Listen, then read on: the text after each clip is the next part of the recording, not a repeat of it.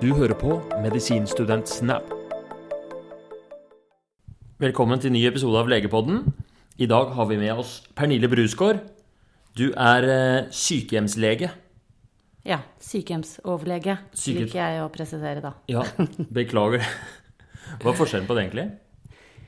Um, det er, eh, forskjellen er at det, det er bare meg som er lege på sykehjemmet, og da blir jeg på en måte den overordnede legen som er der.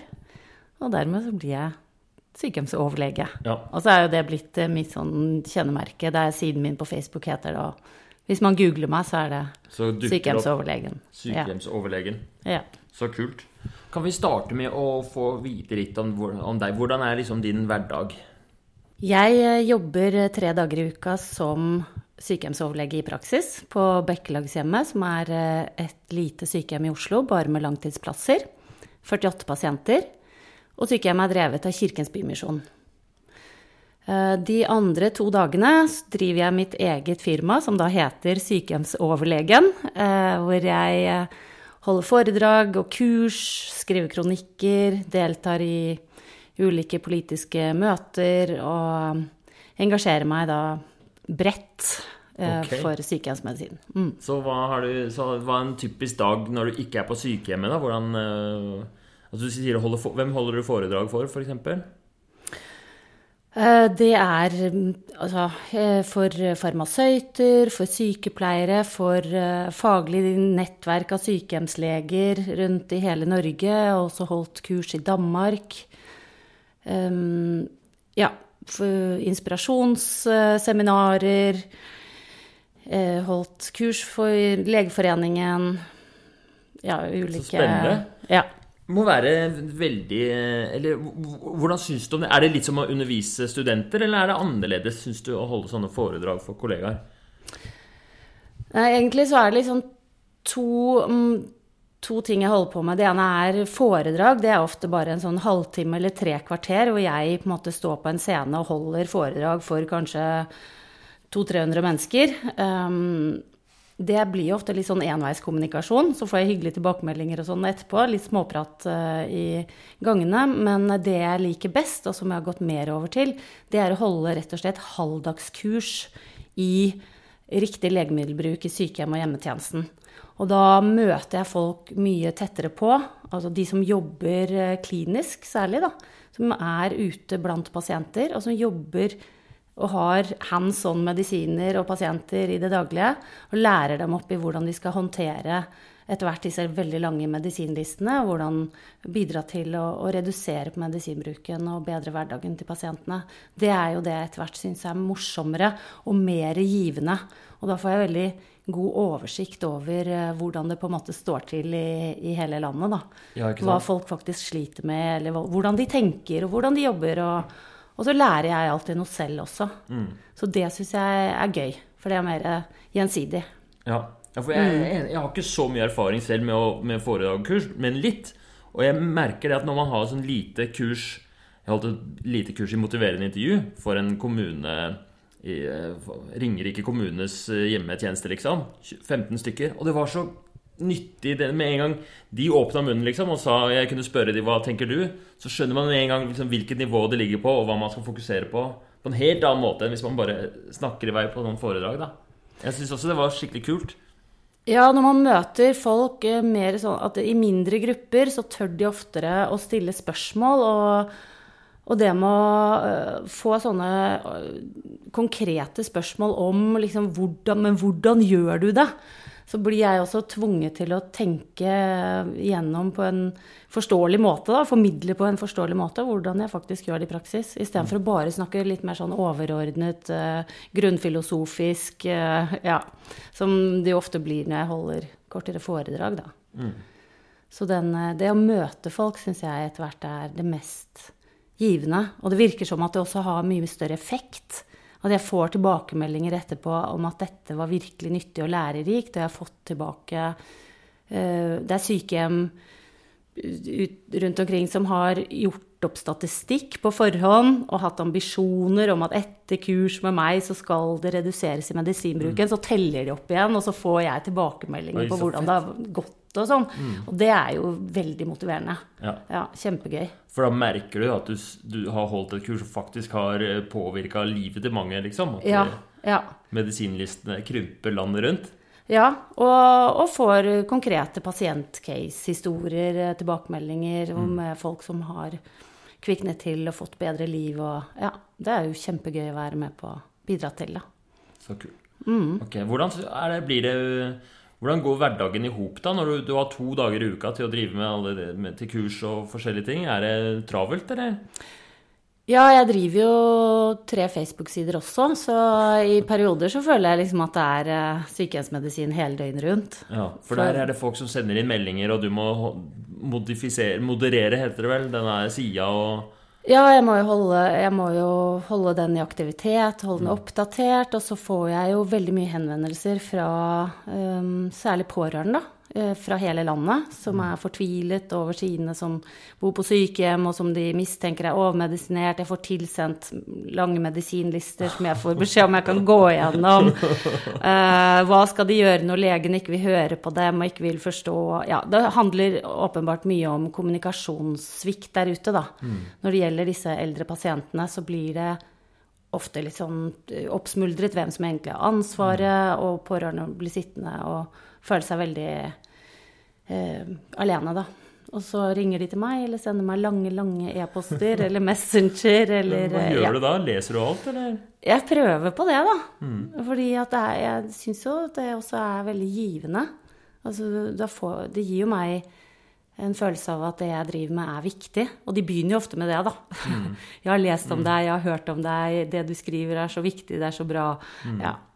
Eh, Så det er hyggelig at, eh, at folk følger med og tar det til seg. Jeg har jo Ja, jeg er litt overrasket egentlig hvor, eh, hvor mye pårørende engasjerer seg i dette. Eh, Og jeg har jo til og med fått henvendelser fra pårørende i psykiatrien også, som har barn som de opplever som overmedisinerte.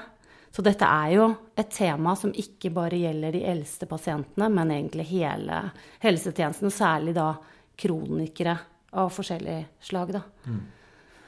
Så, så det Ja, det bruker jeg mye tid på. Ja. Blir det noe tid til å gjøre noe på fritida? nå utenom jobben, liksom? Eller? Ja, jeg gjør jo det. Jeg må jo finne liksom litt ro og Jeg må jo koble av innimellom også. Ja. Så ja. Vi har jo hatt seilbåt i mange år. Det har vært en veldig fin avkobling. Bare kaste loss og seile ut i Altså, du seiler? Ja. Eh, Vi har hatt båt på Aker Brygge og seilt mye. og Bare kastet loss derfra.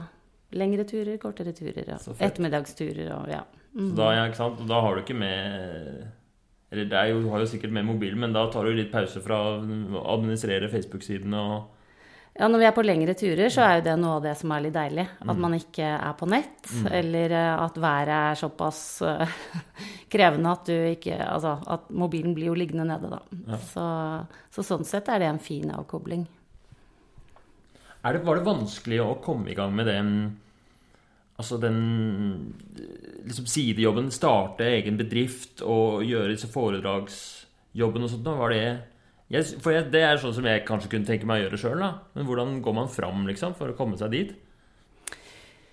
Nei, jeg begynte jo i um, Altså som sykehjemslege så begynte jeg i 20, 2006 på Smestadhjemmet. Det var i en brøkdelsstilling som et utgangspunkt, men den ble etter hvert til en full stilling. Og så uh, engasjerte jeg meg jo så mye i feltet sykehjemsmedisin at jeg ble etter hvert spurt mer og mer om å delta i politiske møter, holde foredrag, kurs osv. Så, videre. så det ble en belastning for jobben etter hvert. Eh, For de ville jo at jeg skulle være og ta meg av pasientene, så klart.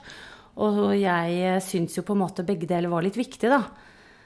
For det var jo veldig få sykehjemsleger som var ute og snakket om, om det feltet. Nå er jo ikke sykehjemsmedisin et eget fagfelt, og det gjør det veldig sånn Ja, det faller ofte litt mellom alle stoler. Um, så derfor så bestemte jeg meg for at jeg eh, ville gå ned i redusert stilling, og så prøve å gjøre dette ved siden av. For jeg hadde, det var såpass mange henvendelser. Så, så derfor så Og så har jeg en eh, mann som er i en helt annen bransje enn meg selv, og som har drevet egne firmaer og vært sånn oppstart av firmaer og sånn, så han eh, støttet meg jo veldig på det. Det var hans forslag eh, at jeg kunne lage egen bedrift. Så jeg har et enkeltpersonsforetak. Og så bare opprettet jeg det foretaket, og så begynte jeg å holde Altså inntjeningen på det jeg gjorde ved siden av eh, jobben på Bekkelagshjemmet, det tok jeg inn via det selskapet, da. Ja. Så det har jo egentlig gått litt av seg selv, men um, Det var liksom et stort behov der fra før. Du fikk så mye forespørsel at det var egentlig bare å åpne døra, så, så, så var du i gang. Ja, og så må jeg jo hele tiden opprettholde det, den etterspørselen ved å nettopp oppdatere Facebook-sidene mine, at kontakte folk Altså, jeg, svarer jo på veldig mange henvendelser som ofte ikke blir noe av likevel. Vi finner ikke tid, eller de finner ikke penger, eller Altså, det er jo ikke alltid ting blir noe av. Eh, og så gjør jeg jo fortsatt veldig mye da gratis. Jeg var i møte med Bjørn Gullvåg, eh, direktøren for Helsedirektoratet, på fredag. Eh, invitert til sånn eksklusivt møte der. Og da gjør jeg jo det i den på en måte fritiden min, da. Får ikke noe for det. Det er helt Det er gratis. Mens han og kollegaene hans sitter der med god lønn. Ja, og yter godt av min kompetanse. Ja. Så sånn blir det litt, da. At jeg, ja, jeg gjør mye gratis. Og da gjør du det fordi det, fordi det er så viktig. Ja, fordi jeg ønsker å, å få frem dette budskapet, da. Som, eh, som jeg eh, etter hvert har engasjert meg veldig Ja. mye i. Vi, vi må gå grundig gjennom det budskapet, men jeg tenker før vi kommer til det, for hvis vi begynner på det, så kommer vi sikkert ikke ut av det. Det er så mye spennende å snakke om. Ja, da kan jeg holde et 14 dagers kurs. Ja. Så eh, vi skal prøve å destillere det, men kan vi bare for å liksom få litt mer um, eh, hva, Hvordan var studietida di? Hvordan syns du det var å studere medisin? Jeg eh, studerte jo i København, og det var et veldig godt valg for meg. Eh, Fordi jeg opplevde vel kanskje at eh, studentene der var mer forskjellige enn eh, de jeg kjente hjemmefra som hadde tenkt å studere medisin, da. Og så var det jo det også Selv om Danmark ligger tett på Norge, og jeg forstår dansk ettersom jeg hadde brukt mye sommerferier i Danmark, så, så er Danmark et annet land.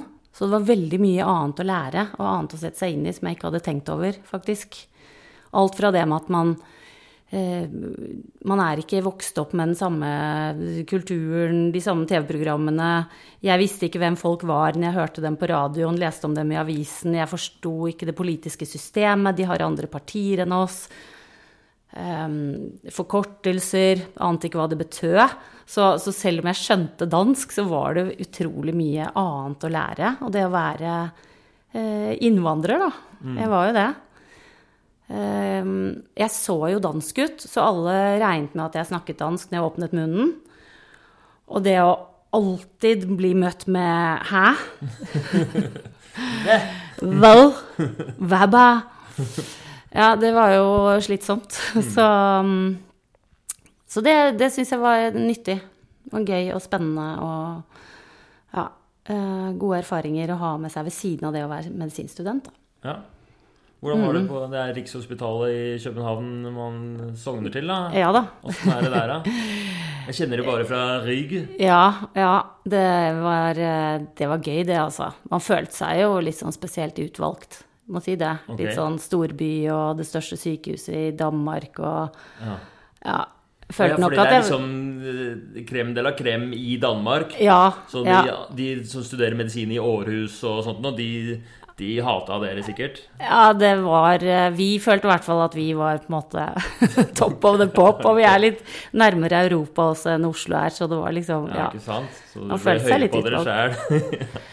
ja vi fikk jo vært med på mye spennende også, da. Jeg husker jo spesielt når jeg fikk være med på um, eh, eh, å plukke sånn hagl fra, fra et skytedrama mellom eh, Bandidos og Hells Angels. Og, og hvor han ene fra Bandidos eh, Ja, det var han som var skutt, da, og måtte amputere det ene benet. Og jeg som student fikk lov til å stå og plukke hagl som satt i hele kroppen på han.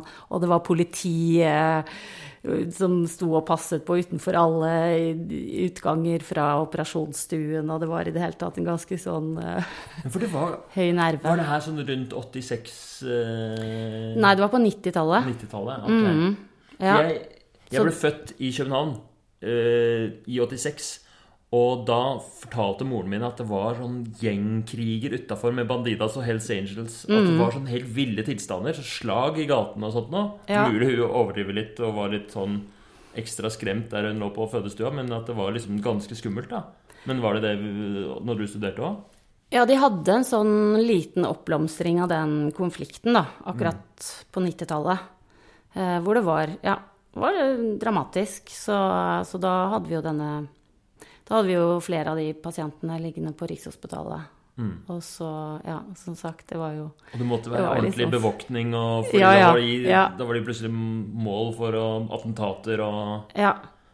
De måtte jo holde gruppene fra hverandre, ikke sant. Mens de hadde begge deler innlagt på sykehuset, så måtte Ja. Så de, og de fikk jo besøk og sånn, vet du. Det var jo liksom å stå i heisen med disse gutta i toppledelsen med svære tatoveringer og skinnvester og ja, som florerte rundt på sykehuset der. Det var jo spesiell stemning. Det var i hvert fall bare noe av det jeg husker som var litt Ja. sånn spesielt, da. Så um, jeg var veldig fornøyd med å studere i København. Jeg Ja. syns det var eh, et bra studie. Er det Veldig. forskjell på hvordan de gjør det i Danmark og Norge, som du vet? Eller er det ganske likt, eller? Um, i- ja, det har jeg tenkt en del på. Um, jeg vet ikke helt sånn konkret faglig og sånn hva som er forskjellen, men jeg opplevde kanskje når jeg, jeg hadde turnus i Norge, da. Um, og opplevde kanskje at eh, det er en mye røffere tone i Danmark. Altså, ja, på sykehuset. De er mye tøffere med hverandre, og de var veldig tøffe mot oss som studenter. Når vi hadde tatt imot pasienter, så måtte vi alltid Altså, vi ble grilla for hva vi hadde gjort og tenkt, og ehm, Jeg opplevde nok at de norske studentene var litt uh, De var ikke så trent på den grillinga. Ja. De ble litt det var- fortere lei seg og syntes at ting var skummelt og, og gruet seg til vakter og Jeg bare gledet meg, jeg. Mm. Jeg syntes det var kjempegøy. For du hadde vært gjennom eh, litt sånn hardkjør? Jeg tror de var Ja, det var et eh, I hvert fall på Rikshospitalet, da. Det var, det var tøft. Tøft miljø. Og legene kranglet skikkelig på morgenmøter sånn faglig, og så gikk de og var kompiser og spiste lunsj etterpå. Ja, nemlig. Ja, det var ganske høy temperatur til tider, altså. Mer Det sånn kontinentale kontinentale Ja. temperamenter og skarpt. Huh. Det, ja. Og, og vi ble veldig opplært i en tradisjon om at du for hver prøve du bestiller på en pasient, så skal du virkelig ha tenkt deg om. Hvorfor tar du den prøven? Hva forventer du at den viser? Med disse symptomene. Mens når jeg kom ut i turnus, så var, så var jeg overrasket over hvor mye sånne ferdige retningslinjer og Ja. prøvepakker, og hvis pasienten hadde disse symptomene, så var det denne pakken med prøver som skulle tas og sånn. Det var jeg litt overrasket over. Ja, Det var ikke vi oppdratt til. Vi Ja, måtte tenke alt selv, vi. Dere måtte, ja, fordi ofte i mottaket så er jo pakka allerede bestilt før Ja. pasienten er undersøkt. Ja, ja. Ja. Noen ganger så litt- kommer du inn og undersøker pasienten med blodprøven svarene klare, liksom. Mm, mm. Så, så akkurat det var litt annerledes. Mm. Um, ja, og så den eh, litt sånn røffe tonen, da. Så er noe av den derre um, Er de bedre på overmedisinering i Altså bedre på å unngå overmedisinering i Danmark enn Norge, tror du? Nei, det tror jeg ikke. For jeg samarbeider med noen øh, noe helsepersonell i Danmark, egentlig særlig en sykepleier, da, som driver et eh, lite demens, eller sykehjem for pers personer med demens. Og hun er jo veldig opptatt av det samme som meg. Overmedisinering. Så, så jeg får ikke inntrykk av at de er noe flinkere enn oss, Nei. egentlig. Nei. Det er jo et eh, stort vestlig problem etter hvert. Ja. Så, så dette er jo et problem i ja, hele den vestlige verden. Mm. Hva annet med Hvor, hvor var det du var i turnus? Jeg var eh, først eh, i Namsos på, i, i sykehusturnus. Og så var jeg faktisk på Geilo etterpå. Så jeg måtte liksom sette sammen den turnusen helt selv. Ja. Grunnen til at jeg valgte Norge som turnussted, var at eh, sykehusene i Danmark de ligger så sentralt. Sånn at jeg hadde hørt rykter om at når du er turnuslege, så gjør du bare egentlig litt sånn kjedelig elektiv innleggelsesarbeid. Altså du bare tar imot planlagte pasienter. Og så er det på en måte assistentlegene som sto i mottak og gjorde okay. akuttarbeid og det mer spennende, da. Mm. Mens jeg hørte at i Norge så kan du velge deg til små sykehus hvor du er den som tar imot Ja. pasientene først. Så derfor så valgte jeg å, og reise til Norge, og så ble det Namsos. ja. Og da fikk du stå mye sjøl, eller? Ja. Du fikk mye ansvar? Mm. Ja, da var man jo alene lege på natt og tok imot. Og så hadde man jo bakvakt liggende hjemme og sove, da, som man kunne ringe til. Ja. Ofte så var det jo lang transporttid til sykehuset, sånn at den overlegen rakk å komme Hvis det var alvorlige ting, da, så rakk jo overlegen til sykehuset før pasienten kom. Ja. Men, eh, men vi fikk mye ansvar, ja. Mm. Og så var det kjempeflinke Det oppdaget jeg jo i turnus, at jeg samarbeider veldig godt med sykepleiere. Det var veldig mye flinke ja, med sykepleiere med lang erfaring som jobbet i mottaket der sammen med oss, da. For det er jo dritviktig å få til godt samarbeid med de. Hva, hva Ja, er det som ja. hva er det du, Har du noen tips eller noen triks for å få til godt samarbeid med sykepleierne? Hva er det du gjør som gjør at du får det til bra? Uh, Jeg vet ikke, men jeg har jo veldig stor respekt for uh, sykepleiernes uh, erfaring da, i forhold til det å se pasienten. Kanskje litt mer helhetlig enn vi legene som ofte fort stykker opp pasienten i liksom lungefunksjon, hjerte uh, Ja. Um, hvor de ser mer eh, hele personen og, og, og har mye erfaring på når folk er alvorlig syke, eller når de ikke er det, holdt jeg på å si, eller man har litt tid. Så um, det merker jeg jo nå i jobben min på sykehjemmet, så er det kjempeviktig at jeg har et godt samarbeid med sykepleierne. Noen ganger så har jeg følt meg litt som en kanskje nesten litt sånn blanding av lege og sykepleier. Jeg føler ofte at jeg tenker ganske likt som dem Ja, i tilnærmingen min til mennesker, da. ja Kanskje særlig på sykehjem så er det ekstremt viktig det der samspillet med sykepleierne. Fordi når du har 48 pasienter, du får jo ikke sett de hver dag eller hver uke for den saks skyld. Så du er jo helt avhengig av at sykepleierne At du kjenner de, og at du vet at de kan fange opp det som skal fanges opp. Og jeg føler, i hvert fall Min erfaring fra sykehjem er at man ofte At det er sykepleieren som driver sykehjemmet i veldig stor grad. Nå har jo jeg bare vært sånn vikar, da, så da har det blitt mer naturlig. Men at eh, det er de som bestemmer hvilke pasienter som skal ses, og, og, og, og litt sånn hva, hvordan arbeidsdagen blir. Er det sånn for deg òg? Ja, ja, absolutt. Når jeg kommer på sykehjemmet og ikke har vært der hele helgen, eh, og som du sier det er 48 pasienter, og de fleste kan jo ikke engang gjøre rede for seg, så det hjelper jo ikke for meg å løpe rundt og spørre hvordan de har det. Jeg er helt avhengig av at, eh, og ikke bare at sykepleierne gjør en god jobb, også alle de andre mm. pleie... Altså eh, helsefagarbeidere og tidligere hjelpepleierne eh, gjør eh, gode observasjoner. Så det jobber vi jo kontinuerlig med, da. Å prøve å forbedre den kjeden av eh, måte, At jeg får gode Får beskjed om når det er viktige ting som har skjedd. Utfordringen hos sykehjemspasienter er jo også særlig det at de ofte ikke er friske som et utgangspunkt. Så man må kjenne pasienten også. Altså, denne pasienten pleier å ha hovne bein, men ikke så hovne som i dag. Ikke sant? Du kan ikke engang sammenligne med en normalitet. Ja. Så, så det er veldig ja, krevende å vite hva man skal rapportere til meg videre. Da. Og det er veldig mye sykepleierne selv ordner opp i, som ikke kommer til meg. For de tar seg jo ofte av sår og ja.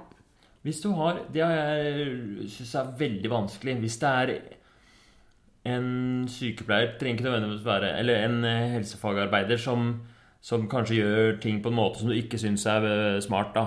Eller kanskje ignorer, ikke får med seg at eh, de burde si fra med Hvis du kanskje en pasient som med kolsforverring, da, så føler du at de har sagt fra til deg for seint. Hvordan, hvordan får du til å mm, drive opplæring eller veiledning? Har du noe triks på det? Jeg driver vel egentlig opplæring nesten hver eneste sånn legevisitt. For å si litt om den jobben min, eh, hvordan jeg gjør den på Bekkelagshjemmet, da, så, så Der er det to avdelinger. Og så går jeg legevisitt hver sin dag i uka. Og så den tredje dagen jeg er der, så, er jeg gjerne, så bruker jeg gjerne tid på pårørende, innkomstsamtaler og eh, eller interne møter og sånne ting. Så når jeg går legevisitt, så er det litt sånn klassisk eh, previsitt, hvor jeg går sammen med en sykepleier, og så har vi et journalsystem der man kan skrive inn problemstillinger, litt som du sier, da. Hvilket journalsystem bruker du? dere? Vi bruker Gerica. Det syns jeg var så vanskelig. Funker det? Har du Det er, du blitt, det er blitt bedre etter hvert.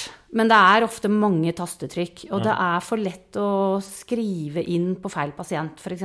Så, så det har fortsatt forbedringspotensial. Men nå har vi fått noe som heter en legemodul, som gjør mitt arbeid mye lettere, i hvert fall. Ja.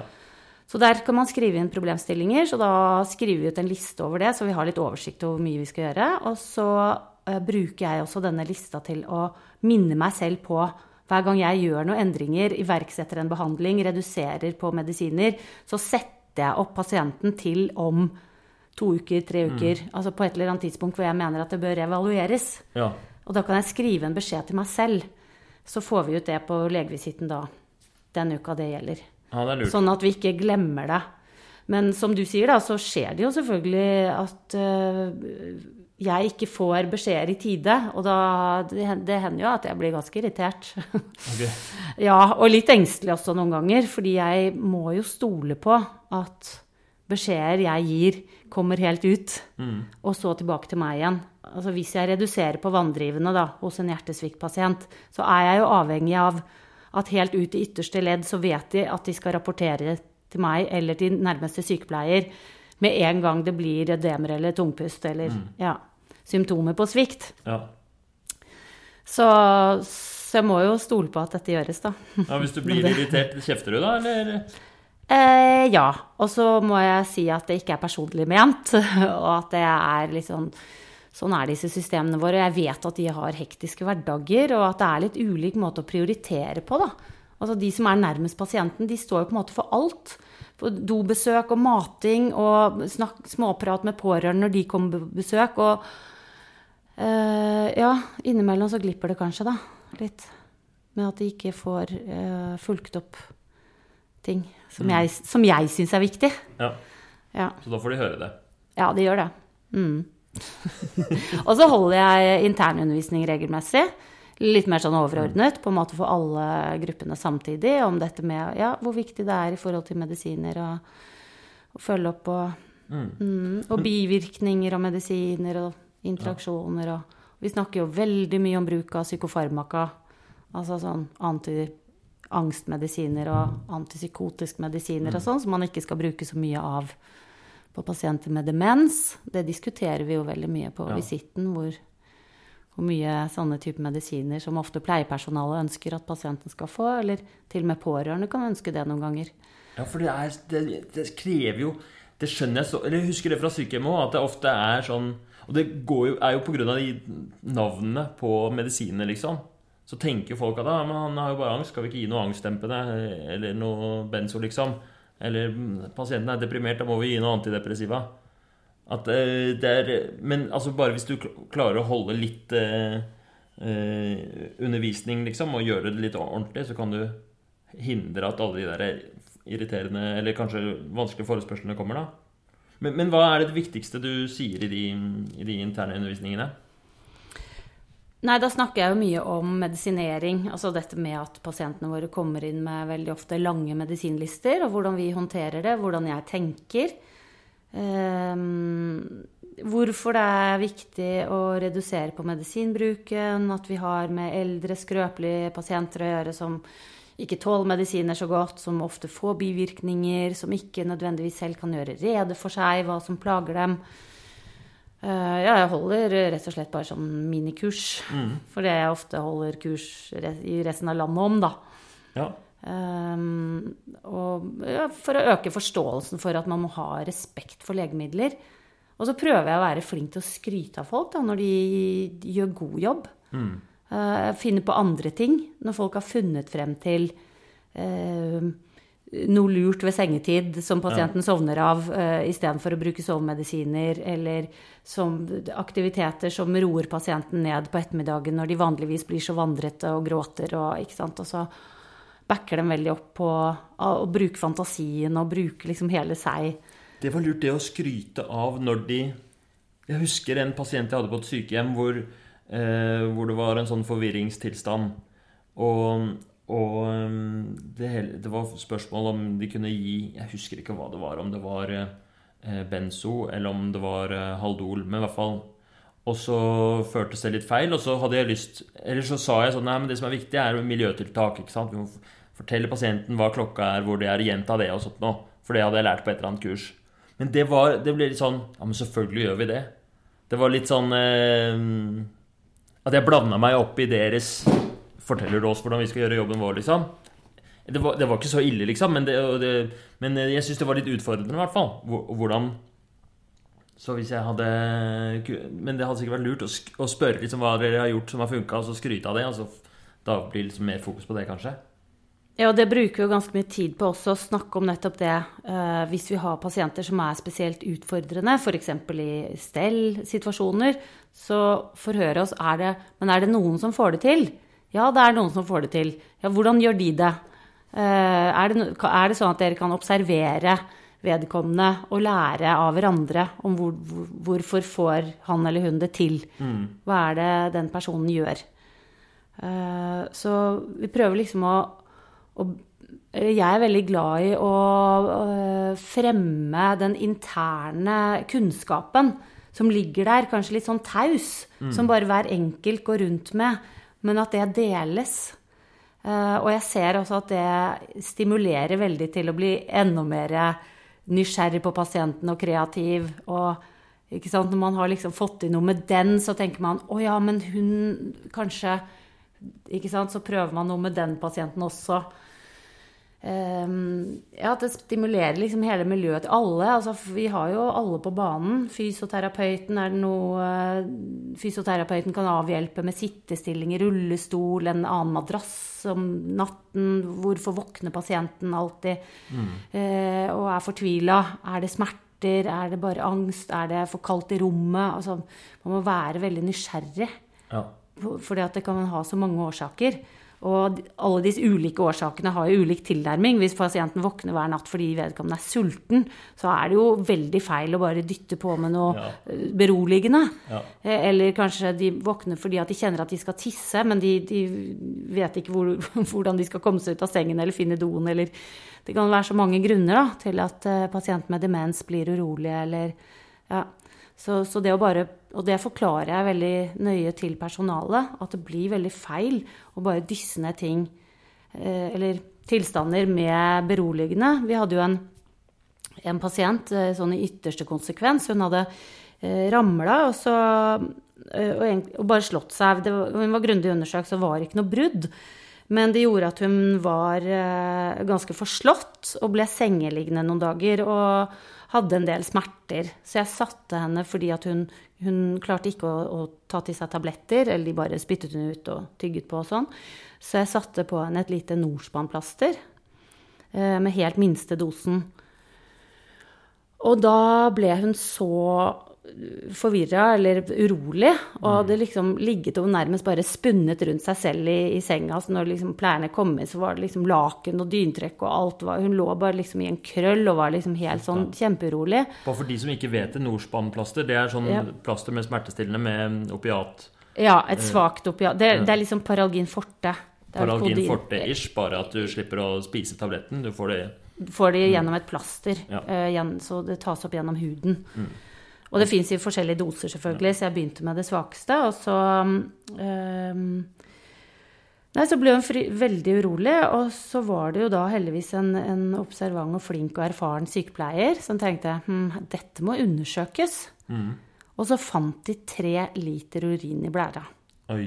Så hadde hun altså det vi kaller urinretensjon, altså at hun ikke kommer av med, med urinen. Mm. Og vanligvis så tar jo en blære Altså, de fleste av oss kjenner tydelig at vi må tisse etter en ja. halvliter. Ja. Og kanskje lære Tre liter er så, ekstremt mye. Ekstremt mye. Så, mm. så, en liter i blæra er veldig mye. Mm. Tre liter er helt ekstremt. Det er nesten sånn at det er, det er risiko for at den sprekker, som er en dødelig tilstand. Mm. Så ikke sant, altså Så da, da, brukte vi jo den eh, situasjonen maks til opplæring av personalet. Ja. Altså det kan være ting som er kjempealvorlige å finne mm. ut av før du begynner å bare putte, liksom beroligende tabletter i folk. Da, Hva er det som har den Er det plasteret? Kan det føre til urinretensjon? Ja. Mm. I en sjelden tilfelle. Mm. Og det er det som er så viktig i den pasientgruppen, og derfor jeg er så opptatt av dette med overmedisinering. Det er at Felleskatalogen er full av bivirkninger som vi ofte ikke forholder oss til når det gjelder yngre pasienter. Mm. Men eldre har en tendens til å få disse veldig sjeldne bivirkningene. Mm.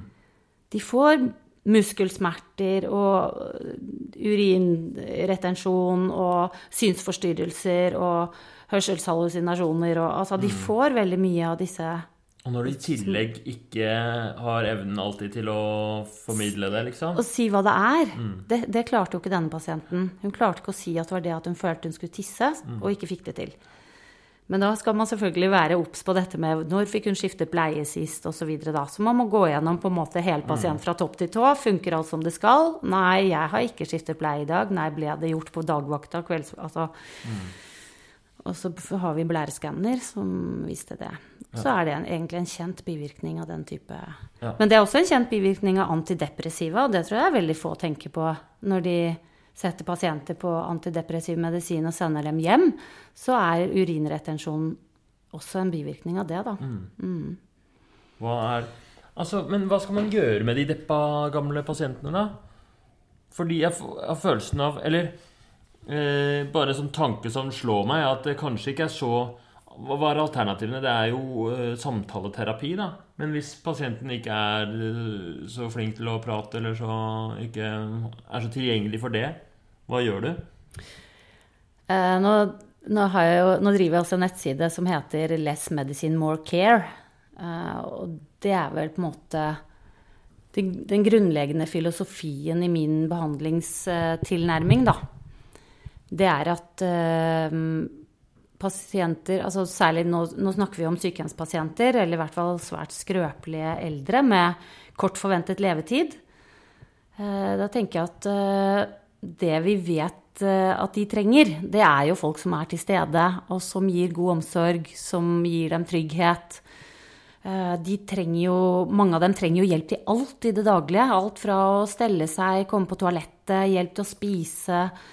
Um, og ja, jeg tenker at det er mye viktigere at personalet bruker tid hos og med og, og direkte med pasienten enn å stå med nesa langt ned i noen pilleglass på et medisinrom. Mm. Uh, I hvert fall så tenker jeg at hvis vi skal gi dem medisiner, så må vi nesten vite at det virker. Det er ikke noe vits å holde på med alle de medisinene sånn for sikkerhets skyld, eller kanskje om, eller mm. Og da kommer vi også inn på hele det store temaet som handler om at vi at det nesten ikke fins forskning på denne pasientgruppen. Altså Pasientene på Bekkelagshjemmet er 90 eh, år i gjennomsnitt. Og det meste som er gjort av forskning på medisiner, er gjort på pasienter under 65 år med én sykdom av gangen. Ja. Mine pasienter har jo elleve diagnoser og, og langtkommet demens og er over 90 år. Ja, fordi hvis noen skulle forsket på en eller annen medikament, så ville de, ingen av de kvalifisert. Fordi det er sånn For å være med i dette forskningsprosjektet, så skal du ha bare én sykdom, helst ikke være ja. dement. Og, mm. Så det er ofte som smale kriterier for å være med i et forskningsprosjekt. Eh, et annet stort dilemma er jo også det at veldig mye medisiner er jo bare prøvd ut i en kortere periode, mens mine pasienter eh, ender jo ofte opp med å stå på medisiner i flere tiår. Mm. Og vi aner jo ikke hvordan effekt, om de mister effekten etter hvert, om de øker effekten etter hvert, hvordan det påvirker pasientenes organsystemer. og Uh, og, og, så er det jo, i tillegg til dette, så er det jo hele den cocktaileffekten. Ja. Det vet vi jo heller ingenting om. Hvordan, hva, hva betyr? Altså, en, vi vet litt om hva en antidepressiva gjør alene, men vi vet ikke hva den gjør sammen med blodtrykksmedisin og marihuana og full pakke av alt mulig annet, liksom. Ja, nettopp. Mm. Uh, så med en gang du begynner å kombinere medisiner, så vet du i hvert fall ikke hva du driver med. Så derfor så Jeg blir jo ofte spurt om eh, om jeg kan forskningsmessig bevise at det er bedre for pasienter å få færre medisiner eh, enn å få flere. Og da snur jeg jo bare problemstillingen og spør eh, kan du vise meg forskning som viser at syv medisiner er bra for noen. Uansett alder og hvor syk eller frisk du er. Mm. Fordi det er jo uh, gjennomsnittlig forbruk av medisiner i hos sykehjemspasienter er, ligger på mellom syv og åtte. Da. Det er gjennomsnittet. Ja. Det er mye bare den derre Det blir jo eh, altså en frokost. Det er, så stor, det er så mye å svelge, liksom. Ja det, jo, ja, det er jo også en egen problemstilling. Det at de skal begynne dagen med en neve tabletter som de eh, ja, de må svelge med en liten slurk vann, alle sammen. Og når de er ferdig med den haugen med piller, da, så orker de ikke å spise. Så det, det har vi jo sett at eh, Siste oppdeling på Bekkelagshjemmet før jul nå 2019 var jo at de brukte 2,1 medisin i gjennomsnitt. Oi. Og opp mot de Da har du syv- jobba. opp mot de 7-8 på landsbasis, da, så er jo det en betydelig reduksjon. Og vi ser jo at Ekstrem reduksjon, vil jeg si. Ja, absolutt. Ekstrem reduksjon. Og vi gjør det egentlig bare ved å gå veldig sånn grundig til verks og undersøke hva slags eh, virkning medisinene har. I, eh, På hver enkelt. Ja, veldig individuelt. Når pasienten kommer inn til oss, så går vi løs på lista og undersøker. Hvis blodtrykket er normalt, så forsiktig reduserer vi på blodtrykksmedisinene og ser hvordan det går. Hvis stoffskiftet er normalt, så reduserer vi forsiktig på hormonsubstitusjonen og ser hvordan det går. Hvis eh, Ofte så er jo fortsatt pasienten smertepåvirket. Hvis de står på masse forskjellige smertestillende, så trenger de fortsatt ekstra. Så ser vi hvordan går dette forbruket av ekstra medisiner, hvordan blir det påvirket hvis vi reduserer på den faste medisineringen. Så langsomt reduserer vi på den. Og så følger vi opp pasientene. Og det som er veldig bemerkelsesverdig, overraskende og spennende, er jo at det stort sett ikke skjer noen ting. Det er det vanligste. Så pasienten er helt seg selv. Blodtrykket er det samme, stoffskiftet er det samme, blodsukkeret er det samme. De får ikke epileptiske anfall. Altså, Så mange kan- av medisinene de går på Problemet er ikke nødvendigvis at de gir så mye bivirkninger, men de, de eh, gir ikke noe effekt. Nei. De er Nettopp. ikke nyttige. Hva er Nei. vitsen? nei. Så, så vi reduserer jo Vi har jo redusert eh, fra 12 faste medisiner til null. Fra 18 medisiner til 1. Det, ja, det, det, er, det er helt ekstremt hvor mye man kan redusere noen medisinlister. Og pasientene er helt Egentlig bare mer eller mindre seg selv. Er det noen medisiner du nesten alltid fjerner? Eh, ja, jeg fjerner ganske mye som forebyggende medisin. Eh, med den eh, tanken om at de eh, altså, gjennoms, altså Forventet levetid er jo under halvannet år på sykehjem nå, sånn at um, Statiner fjerner vi stort sett. Uh, osteoporosemedisiner hos pasienter som sitter i rullestol og ikke er oppegående lenger og ikke har så høy risiko for å få brudd. Um, ja, vi fjerner jo haugevis av blodtrykksmedisiner. Og mye Hvilken fjerner du først? da? Hvis de har masse forskjellige blodtrykksmedisiner. Ja, det, det er ikke så lett å si. Ofte så begynner jeg nederst på medisinlisten. Bare sånn rent praktisk. For okay. å se hva som er lagt til sist. Ah, Ja, eh, fordi da tenker jeg at de har klart seg veldig lenge uten denne medisinen. Mm. Denne medisinen har de jo bare fått fra oktober i fjor, liksom. Jeg prøver å ta den bort igjen og se om noe skjer. ok. Eh, Det er et sånn praktisk eh, grep. Og så, må jeg jo lese mm, historikken veldig grundig, for det er jo veldig Det er mange medisiner som kan gis mot forskjellige tilstander. Er det gitt mot bare høyt blodtrykk, eller mot hjertesvikt, eller mot en atrieflimmer, eller altså en hjerteflimmer? Eller hva er det egentlig som er eh, hovedårsaken til at dette medikamentet er valgt? Og da er det litt ulik tilnærming fra min side, da, om hvordan jeg reduserer på ja, hvis de står på mange typer hjertemedisiner, så kommer det litt an på hva slags hjertesykdom de faktisk Ja. behandles mot. Ja. Og, så, og så tar jeg jo ofte bort um, medisiner som på en måte ikke får noen sånn eh, kan få noen dramatiske endringer hos pasienten. Det tar jeg gjerne først. F.eks. sovemedisiner. Om pasienten ikke sover en natt eller to, er liksom ikke krise. Og så flytter jeg dem ofte til ved behov. Så hvis det blir krise, så får de jo få den allikevel. Ja. Og det samme gjør jeg mye med smertestillende. Jeg flytter dem på ved behovslista. Så, Ja. ja.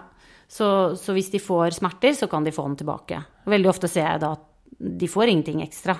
Ja. Så bare fortsetter vi å redusere til denne pasienten som hadde 18 medisiner, hadde jo veldig, veldig, veldig mye forskjellig smertestillende.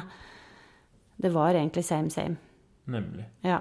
Hun ber om ekstra smertestillende uansett om hun sto på høye doser morfinpreparater og antidepressiva og Ja. nevroleptika og alt. Så Ja. hvilken konkrete medisin er det du tenker når du ser den? Er bare sånn Yes, den skal vekk, liksom? Er det noen du virkelig Det er kanskje statinene, da, i din på, på sykehjemmet, liksom, når folk er veldig gamle og skrøpelige. Da er det ikke noe vits å drive og forebygge Nei, da, da, eh, da er vi jo litt inne på det som også er litt min eh, altså, Hva skal vi si Som jeg er eh, litt opptatt av, da. Eh, det er at jeg er både, både litt fascinert og eh, skremt over hvordan mange av kollegaene mine har så sterke meninger og så klokketro på medisinsk behandling. Eh, det virker ofte som om de ikke forholder seg til at det er statistikk på helt utvalgte grupper. Og at de på en måte forholder seg til at dette er på en måte en sånn sannhet som gjelder alle pasienter. Uavhengig av alder og alle andre diagnoser og sånne ting. Altså for å belyse det med et eksempel, da, så er det jo sånn at høyt blodtrykk det er bare en risikofaktor for å få et hjerneslag. Det er ikke sånn at alle pasienter med høyt blodtrykk vil få et hjerneslag. Men når, når, vi behandler, så behandler vi det nesten sånn som om hvis ikke vi behandler ditt høye blodtrykk, så vil du få et hjerneslag. Men det er jo ikke sånn. Det er jo bare på gruppe på gruppenivå at vi vet at eh, hvis vi behandler hundrevis av pasienter med, med, høyt blodtrykk, så vil færre få hjerneslag. Men problemet er at vi vet ikke hvem. Mm. Eh, og så er det ikke 100% allikevel. Det er ikke sånn at hvis vi behandler ditt høye blodtrykk, så får du ikke hjerneslag. Du kan få hjerneslag likevel. Så alle disse tingene tenker jeg liksom vi, vi har for sjeldent med i betraktningen, da. Ja. Eh, at vi må ta mye større individuelle valg i medisinsk behandling. Og jo eldre pasienten er, og jo mer de feiler samtidig, jo viktigere blir det ja. å selektere litt i hva som er viktig her for denne pasienten i denne fasen. Og da er jo i sykehjem så tenker jeg å ha best mulig dager av de dagene som er igjen, det må være førsteprioritet. Mm. Men har vi nok tid til det her, da? Har vi nok ressurser til det? Eh, jeg tenker at vi har for lite kunnskap om det. Det er det som mangler, liksom. Ja. At det er, vi har for, for mange legehjerner som går automatisk på og ser et høyt blodtrykk, og bare bam, det skal optimaliseres. Uten ja. at uh, Hvis man har fått litt kursing og litt uh, Blir våkna opp på akkurat det feltet, så blir man flinkere. Og så tar det ikke nødvendigvis mer tid. Nei. Det er det, ja. Det tenker jeg at både i grunnutdanningen og i etterutdanning til leger så lærer vi eh, for lite om, om polyfarmasi, om medisiners begrensning. Vi lærer for lite om eh, når behandling skal evalueres, når det skal forsøksseponeres, eh, om bivirkninger. Um, og, og, så gjøres det for lite forskning. Mm. Det trengs virkelig mer forskning på polyfarmasi. Det, det, det, slår meg når du sier det, at det er sånn Det gir jo selvfølgelig Hvis, hvis noen um set, Hvis jeg setter noen på et medisin, så gir det jo veldig mening å si at om tre år så kan man prøve å ta det vekk for å se. Men det, det står jo aldri skrevet noe sted. Eller jeg har aldri skrevet det sjæl heller, at det er eh, lurt, liksom. Nei, og tvert imot så hører jo pasientene veldig ofte, eller i hvert fall de forteller meg, da, mm. at dette har en lege sagt at de må bruke resten av livet. Mm. Mens jeg har jo nesten ikke erfaring på Det er jo nesten ingen medikamenter man trenger å bruke resten av livet. For jeg slutter med Altså slutte med eh, kolsinhalasjoner, vi slutter med insulin, vi slutter med Insulin òg? Med, medisiner mot parkinson, medisiner mot epilepsi. Sant? Mot lavt stoffskifte, vitaminsubstitusjoner Altså det, egentlig Ja, når det gjelder å slutte med insulin, så gjelder det jo bare gruppe 2-diabetes, da. Altså denne Hva heter det? Aldersdiabetesen. Mm.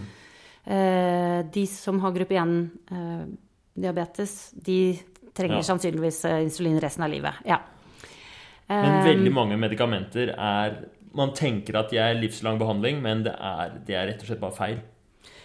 Ja, man må undersøke litt oftere om uh, tilstanden fortsatt er til stede. For det er jo det jeg opplever da. Når jeg slutter med medisinene på pasientene, så, er, så er, skjer det ingenting. Så er det ingen endring. Så har de ikke lenger høyt blodtrykk.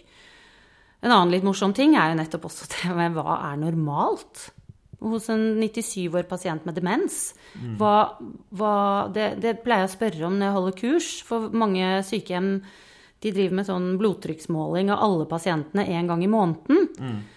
Og så spør jeg åpent, og det er med leger til stede og alt, om hva, ja, hva skal blodtrykket være da? Og det er det jo ingen som vet. Mm. Det er jo litt spennende.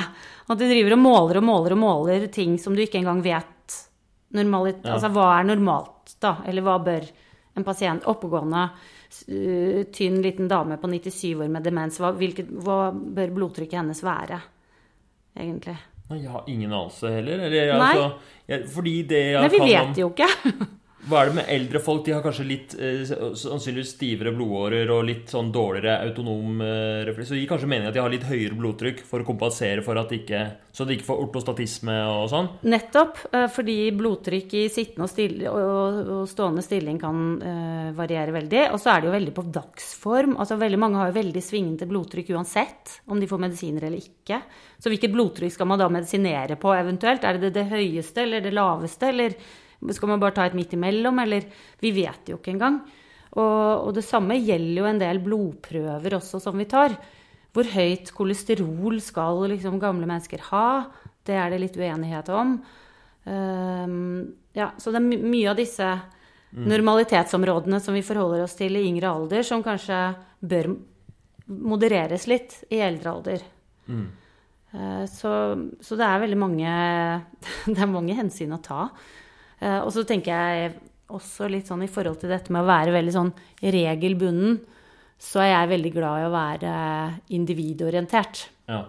Du driter i retningslinjene så lenge du har en god altså, Hvis du klarer å finne en god begrunnelse, så ser du heller dette, denne pasienten har det sånn og sånn og sånn. Da vil jeg heller tenke på det enn å forholde meg til retningslinjene. Og forholde ja. meg til at blodtrykksmålet skal være 120 over 80. Ja, jeg har jo uttalt noen ganger at uh, sykehjemsmedisin er jo nærmest definert ved å fravike fra retningslinjer. Uh, så um, ja, jeg, jeg, uh, For meg så betyr det veldig også mye hvordan pasienten selv opp, opplever sykdom og helse, da. For det syns jeg også er veldig spennende. At pasienter med samme sykdom, de kan oppleve den sykdommen helt ulik. Noen er jo veldig opptatt av sykdom og symptomer og får liksom aldri nok piller og, og, og spesialister og øh, Mens andre er helt i den motsatte grøfta. De har aldri vært hos fastlegen, og de vil helst ikke ta medisiner og øh, vil helst ikke undersøkes så grundig og vil heller leve med det som kommer. Og, og det tenker jeg er kjempeviktig for mine avgjørelser. Um, så når pasienten får en så alvorlig demens så hun ikke klarer å gjøre motstand lenger, så skal ikke jeg drive og måle blodtrykket og ta masse blodprøver av henne når hun tydelig har sagt i livet sitt at hun er ikke så veldig opptatt av det. Hun vil se hva hun tar det som kommer. Hun ønsker ikke medisiner, ønsker ikke vaksiner. Så tenker jeg at det er viktig å respektere. Og så, ja. Og sånn blir jo retningslinjer og sånn, da. Vi kommer jo ofte på, helt på tvers mm. av, av, sånne hensyn. Ja. Mm. Så jeg jobber litt sånn eh, Hva skal man si Ja. Eh, jeg opplever veldig ofte at disse retningslinjene står litt i veien da, for faktisk god sykehjemsmedisin. Ja. De er sikkert, men de er jo ikke ment som å være en fasit heller i retningslinjene. At, men det blir litt, sikkert litt fort at vi støtter oss på de da.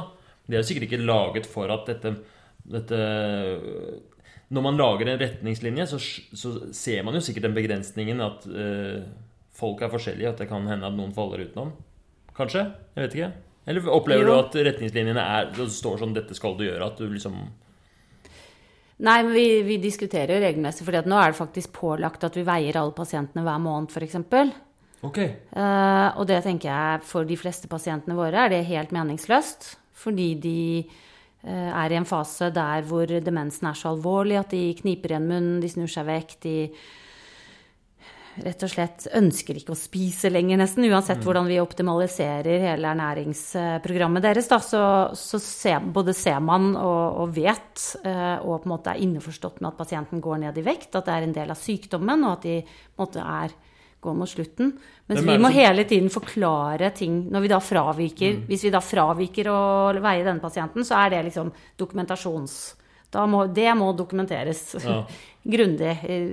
18 steder i journalen, da. Officer. Men hvem er det som pålegger det, egentlig? Uh, det tror jeg kanskje er Oslo kommune som har pålagt Oslo oss det. Oslo kommune ja. som har bestemt at Ja, for det er, litt, det er, jo litt ulike nivåer. Altså, på nasjonalt plan så er vi nå pålagt å gjøre det som heter legemiddelgjennomgang på alle pasienter minimum én gang i året på sykehjem. Oslo kommune har bestemt at vi må gjøre det to ganger i året. Ja. Og det må jeg også gjøre på pasienter som ikke bruker medisiner i det hele tatt. ja. Ja. Ikke sant? Men du må jo være litt Du, du, du er sikkert Jeg ville, jeg ville mistenkt at du var glad for den at, folk, at vi pusher folk til å gjøre legemiddelgjennomganger, da. Ja, det som er litt skuffende, da, det er jo at det har ikke vist at det får noe betydning for eh, lengden på medisinlistene. Ok. Nei, så det blir ikke noe redusert eh, medisinforbruk av det. det blir gjerne, men det blir gjerne noen endringer da, som ofte er til fordel for pasienten. Noen reduserte doser kanskje, eller at én medisin byttes ut med en annen, eller Ja. Ja. Så de må heller ha kurs med deg enn å få beskjed om å, å gjøre gjen- legemiddelgjennomganger. Ja, svaret på for mye bruk av medisiner er i hvert fall ikke legemiddelgjennomgang, sånn som det virker til nå, da. Ja. Eh, For vi har hatt prøveprosjekter hvor dette er satt inn i et forskningsprosjekt i Norge, og da har de ikke noe Altså, Oslo hadde et stort prosjekt i 2014 hvor det ble gjort eh, ca. 1000 legemiddelgjennomganger på pasienter, og medisinlistene gikk fra 7,6 til 7,5 Ja. ja, i gjennomsnitt. Det var litt Så det- dårligere enn eh, sånn som det er på sykehjemmet ditt, i hvert fall. Ja, sånn at hvis, hvis målet er å redusere medisinbruken, så er ikke svaret legemiddelgjennomgang. Nei. Og problemet igjen der er jo at det fort gjort blir sånn at du sitter med diagnoselisten, og så stemmer det på en måte med alle medisinene. Så at pasienten har hypotyreose og, og høyt blodtrykk og, og høyt blodsukker og hatt epileptisk anfall osv., så, videre, og så, videre, og så, videre, så stemmer det jo med alle medisinene. Mens jeg går jo helt annerledes til verk. Jeg tenker at ja, jeg kjenner til diagnoselista, den er viktig å, å være kjent med, men, men, men er det noe sånn at pasienten fortsatt har høyt blodtrykk og hjerteflimmer og alt dette? Mm. Og så reduserer jeg på medisinene, da. Er det noen medisiner som du eh, liker å beholde, som du ikke er så fan av å fjerne? Det jeg har oppdaget, er at eh, avføringsmidler er det som er vanskeligst å fjerne. Ok. Laktulose og Movicol og sånn? Laksoberaldråper og mm, Ja. mm.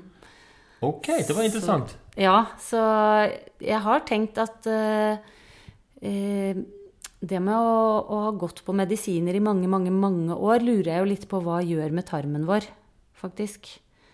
Eh, Eller så er det jo selvfølgelig mye ved sykehjemspasienter som gjør at de blir forstoppet. Altså Hvis du har hatt hjerneslag, så er det vanlig å få forstoppelse. Hvis du blir, du blir mye immobilisert, sitter i rullestol, Ja. drikker dårlig, ja, dårlig, dårlig væskeinntak, så gir jo det forstoppelse. Pluss at forstoppelse er kanskje en av de vanligste bivirkningene ved, syk, ved, ved medisiner. Ja. Så nesten alle medisiner kan gi forstoppelse. Og hvis det er noe du plages med fra før av, så blir det gjerne bare verre når du settes på medisiner som har det som bivirkning. Så det er det vanskeligste å ta bort.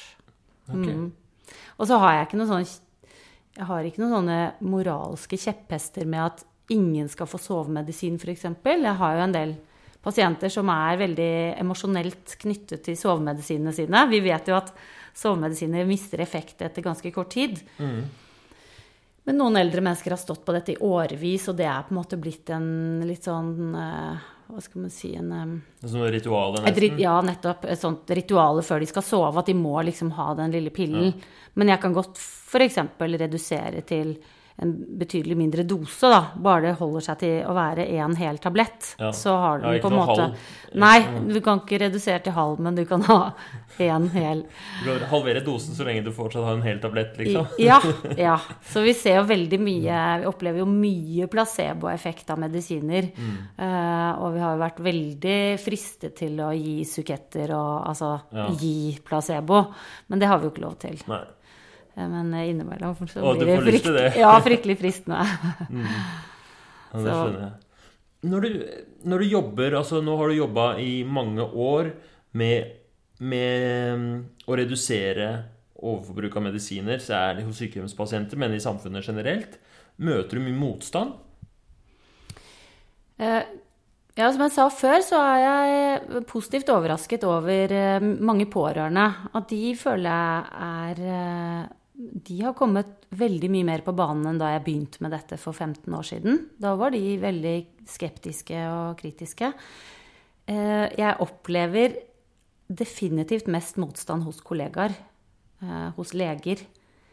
Leger er veldig glad i medisiner og veldig glad i forskning som viser effekt av medisiner. Og hvis vi diskuterer eh, forskjellige typer medisiner, og sånn, så er det alltid noen leger som viser til noe, et eller annet forskningsprosjekt da, som viser en eller annen liten, be, liten bevisst effekt av å stå på denne medisinen. Så ja, det er motstand. Og um, Oslo kommune, da, Sykehjemsetaten i Oslo kommune, som jo da står for driften av ca. 50 sykehjem og ca. 4500 sykehjemspasienter i Oslo, de anerkjenner jo ikke engang problemet med overmedisinering. De mener at pasienter i Oslo sykehjem ikke er overmedisinert. Og da er det klart at å ha en målsetning på å redusere medisinbruken betydelig, blir vi jo litt uenige om, da. Ja. Mm. For de er veldig opptatt av dette med at det skal hete riktig medisinering, og at det at, skal, at, vi skal ikke definere det som at det er viktig å redusere medisinbruken. Men jeg tenker at det egentlig er to sider av samme sak. Ja. At det er som oftest riktig å redusere. Og når gjennomsnittet er syv-åtte medisiner, så er det jo klart at statistisk sett så bør vi redusere. Mm. Og så har jeg jo spurt dem da Når pasientene ved de sykehjemmene jeg jobber, bruker betydelig mindre, altså under halvparten så mye medisiner i årevis da vil det jo si at de er totalt mishandlet, da. Men det er det jo heller ingen som egentlig ønsker å gå inn i eller mm. komme med noe motsvar på eller undersøke nærmere. Ja. Så det, jeg får jo lov til det, da. Å bare fortsette på den måten. Så det er også litt interessant. Hva med legemiddelindustrien og sånt nå? Er de sånn De må jo skjelve litt i buksene. Eller kanskje ikke, kanskje ikke de bryr seg? Eller får du noe motstand fra de? Jeg har sett at de har lagt ut eh, De legger jo ut kronikker og sånn som jeg har skrevet, faktisk, på sine sider. Følger litt med på hva jeg driver med. Mm. Ok, Hvordan, altså, Hva mener du legge ut dine kronikker på sine sider? At, uh... Ja, jeg har sett at de har uh, ja, lagt ut og, for å bare informere da, om hva jeg mener om saken, tydeligvis. Ja. Uh, men jeg har, det er jo bare hyggelig. Ja, det, jeg tar det som et kompliment. Ja. Um, og syns det er bra at de at de følger med på det. Eller så har de ikke tatt noe direkte kontakt for å, å diskutere, eller ja. men, men, jeg har jo vært i kontakt med Legemiddelverket, og der er det noen mennesker som, eh, som er opptatt av dette med avmedisinering og reduksjon av medisinbruk. Da. Ja. Men det er veldig vanskelig å få liksom noe Altså, jeg har jo vært jeg har vært i kontakt med Altså, jeg har vært i møte med Erna Solberg og helseministeren og eldreminister og Legeforeningen og Helsedirektoratet og Folkehelseinstituttet og Oslo kommune og byråd og jeg, jeg, kan liksom ikke tenke meg hvem jeg skulle ha snakket med. Og alle syns at det er veldig spennende. Vi har hatt masse besøk på Bekkelagshjemmet hvor vi serverer full lunsj og holder fulle tverrfaglige foredrag om hvordan vi tenker sånn behandlingsmessig alle syns det er veldig interessant og spennende, og så skjer det ikke så veldig mye mer enn det. Ja. Så jeg kjenner jo at det er utrolig Det er tung materie. Drive og, og endre samfunnet er eh, strevsomt. Det, er, det tar tid. Ja. Mm. Store systemer er ikke til for å endres, egentlig. Det er mye motstand. Men samtidig, når du har klart å redusere fra 7-8 per dag til to medisiner per dag på et ja. helt sykehjem, liksom. Selv om ja. det er jo helt rått at 48 pasienter, hvis det er det antallet, um, har fått en så betydelig Når én person kan gjøre det, da, så er det jo uh, Ja. Og jeg, uh, ja, nei, jeg syns det er så kult. Uh, kul innsats. Ja, det er Jeg syns jo også det er rart at ikke det Jeg vet jo at det er en del eh, leger som eh, også er opptatt av dette. Altså særlig sykehjemsleger som driver med dette. Men jeg har ikke hørt om noen som har Altså jeg har jo lett med lys og lykter også i utlandet for å se om det er noen som ligger foran meg igjen, da. Eh, ingen steder som tilbyr medisinfrie tilbud, f.eks. Nå er ikke det min målsetting, men, men, men jeg, jeg, har jo ønsket meg noen å strekke meg etter. mm. eh, og det har jeg ikke funnet. Så, men jeg vet at det er en del som har, prøver å ha fokus på det. Men selv leger som sier de har fokus på det, får jeg jo pasienter fra som bruker elleve medisiner, liksom. Så jeg bare skjønner ikke hvordan det Jeg fikk en pasient som brukte tolv doser med kolsmedisin om dagen, og nå står han på én om morgenen. Mm. Og han føler seg bedre over tid. Er det ikke bare at folk Så- ikke tør liksom- da? Folk syns det er skummelt å plukke på de listene. At folk må, må at uh, folk må, må høre de historiene dine om at det har gått bra, sånn at de tør å gjøre det sjøl. Jo, øh, men som sagt, jeg syns det bare er fascinerende og skremmende hvor utrolig stor tro vi har på disse medisinenes effekt. Og der tenker jeg jo legemiddelindustrien har gjort en kjempestor jobb, da. Med å innbille både befolkningen og leger at medisiner har veldig god effekt og veldig lite bivirkninger. Sånn at øh, det er liksom Ja, det er, det er og, og særlig også dette med medisiner som, som tradisjonelt sett bare økes og økes og økes. Har jo skjønt at veldig mange sykdommer Eller man kommer åpenbart til et sånt toppunkt der hvor, faktisk, der hvor det å redusere har en god effekt. Og du, du kan ikke bare fortsette liksom opp i det uendelige. Hva er et eksempel på det? Ja. Nei, f.eks. sånn kolsmedisiner. da. Når du står på tolv doser om dagen, så får du jo så mye hjertebank og sliming at du mister appetitten og går ned i vekt og får dårlig immunforsvar og står på masse antibiotikakurer og egentlig kommer inn i en veldig dårlig spiral. da. Så når du reduserer på, på disse medisinene som gir uheldige bivirkninger også, altså disse inhalasjonsmedisinene, så øker appetitten, så går pasienten opp i vekt, så får de et sterkere immunforsvar, så, så, så blir de faktisk bedre. Og det samme kan gjelde Parkinson-medisiner. Etter hvert så blir pasienten så vrangforestilt og hallusinert og plaget med angst og søvnløshet og muskelsmerter av medisinene at det hjelper ikke å bare pøse på med mer. Selv om sykdommen utvikler seg, så må man faktisk begynne å redusere. Og så kan pasienten totalt sett faktisk få det bedre. Så det er mange sykdommer som Og, og smertetilstander også. Eh, Det kan jo se ut som at veldig mange smertestillende har midlertidig god effekt. Så når effekten avtar, så bare øker vi dosen, og så blir bivirkningene verre. Og så blir jo abstinensene verre, og så, så bare kommer vi inn i sånne uheldige regimer der det bare blir mer og mer og mer. Og så er det ingen som tenker at nei, nå er det eneste å gjøre, det er å redusere, faktisk. Ja, og det er, det er litt interessant at det skjer først på sykehjemmene sier når folk Ja. har ett og et halvt år igjen. Ja. Når det kanskje kunne vært eh, Hvis man i mange tilfeller har glede av å redusere medisinene. Ikke bare for liksom at det er krøkkete å ta mange medisiner, men at det kan faktisk gjøre tilværelsen bedre. For ti år siden så er det så Ja. kjipt at det, har, at det ikke har gjort før, da.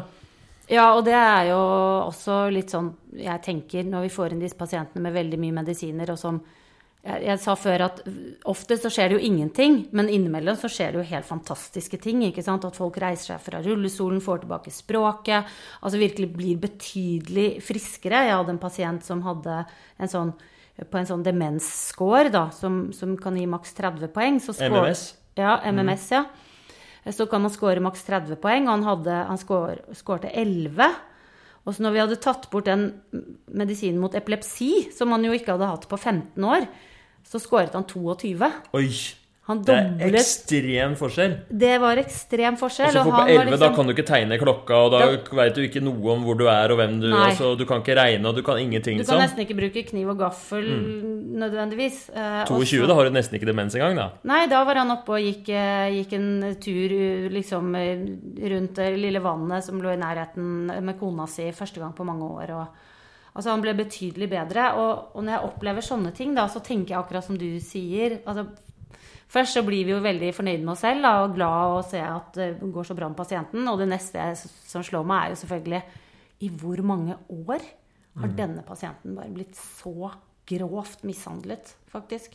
Det, det er jo feilbehandling og mishandling av et menneske. Og, og medisinere dem helt langt inn i en demenssykdom. Så, så ja, det slår meg innimellom. Eh, og det er jo det jeg har prøvd å, å løfte litt høyere, da. Altså hvorfor Hvorfor lar vi bare dette skje igjen og igjen og igjen? Og hvem kan tro at, men, at noe menneske blir bedre av 15 daglige medisiner? Altså, jeg ville aldri turt å ta det. Hvis jeg, altså, I min alder som er frisk. Ja. Og dette gir vi skrøpelige mennesker som tåler medisiner dårlig. Um, så, men det er liksom det er, det er, ingen som stiller spørsmålstegn ved det. Så min, um, min samboer han foreslo jo det at fordi jeg har jo tenkt at det er jo helt bakvendt at vi skal sitte og som du også sier, rydde opp når folk kommer på sykehjemmet. Egentlig så burde man jo aldri fått lov til å ende på så lange lister. Det burde jo vært noen stoppere på veien. Uh, og da sa min samboer at det burde jo være sånn at den legen som legger til et medikament på en medisinliste, må ta ansvar for totalen. Mm.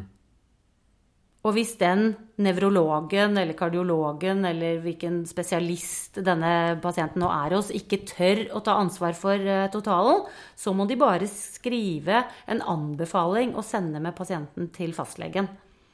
Og si at ok, som kardiolog ville jeg anbefalt at denne pasienten gikk på sånne og sånne medisiner. Men du er fastlegen, du kjenner totalen, og du må sette dette inn i, i pasientens totale sykdomsbilde og vurdere ja. opp mot de andre medisinene.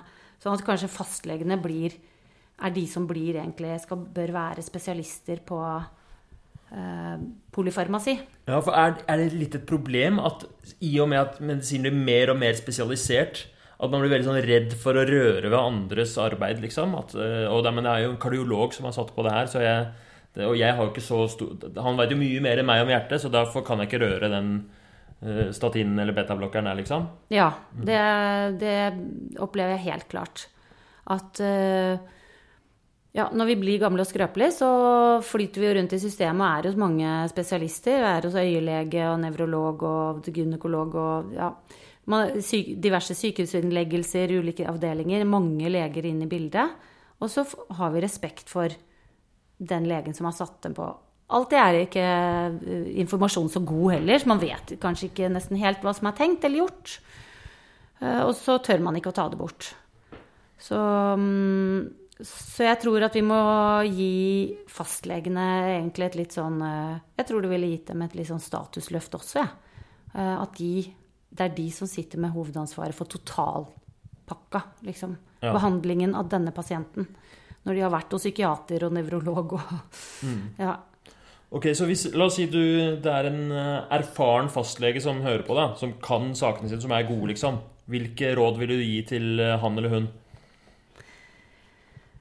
Um, jeg uh, tror det er viktig at man bare får opp noen litt sånn røde lamper med en gang det man har en pasient som begynner å stå på, som jeg har sagt, litt sånn tilfeldig altså, Ved fem medisiner så vet vi at interaksjonene eksploderer. Mm. Så, så, som en sånn håndregel så tenker jeg at når pasienter begynner å sånn kronisk stå på fem medisiner, så bør du virkelig gjøre en grundig gjennomgang og se på hva, hva er det vi eventuelt kan ta bort, hvis man vurderer å legge noe til. Mm. For man mister faktisk helt kontrollen på hvordan, nei, hvordan medisiner virker på hverandre etter en, bare en to-tre stykker, egentlig. Så ja, jeg tenker at det er veldig få pasienter som trenger å stå på mer enn fem medisiner over lang tid.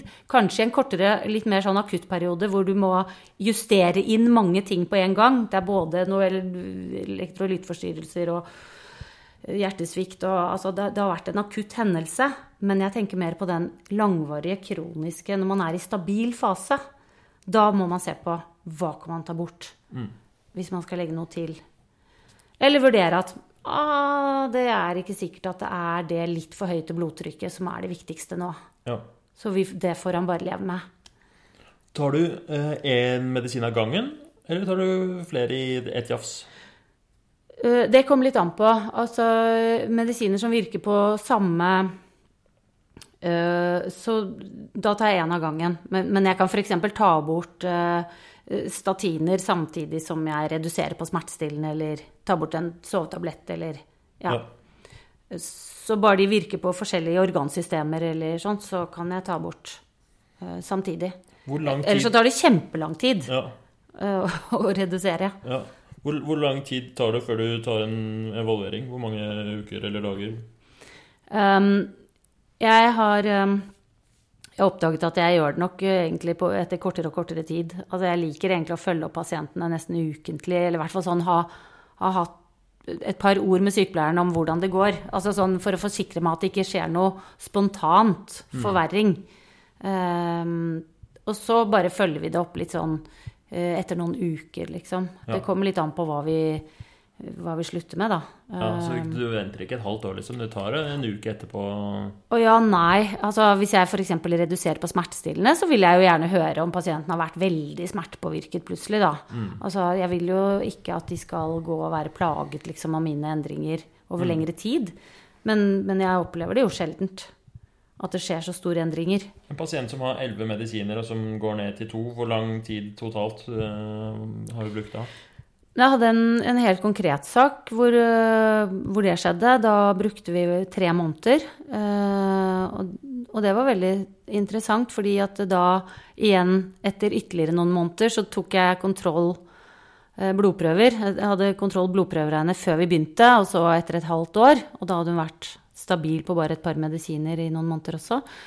Og eh, det som var spennende med den pasienten, var jo at hun, hun kom jo til oss med mye hjertesvikt, mye hjertesviktmedisiner og mye mot sånn angst og depresjon og smerter og sånn.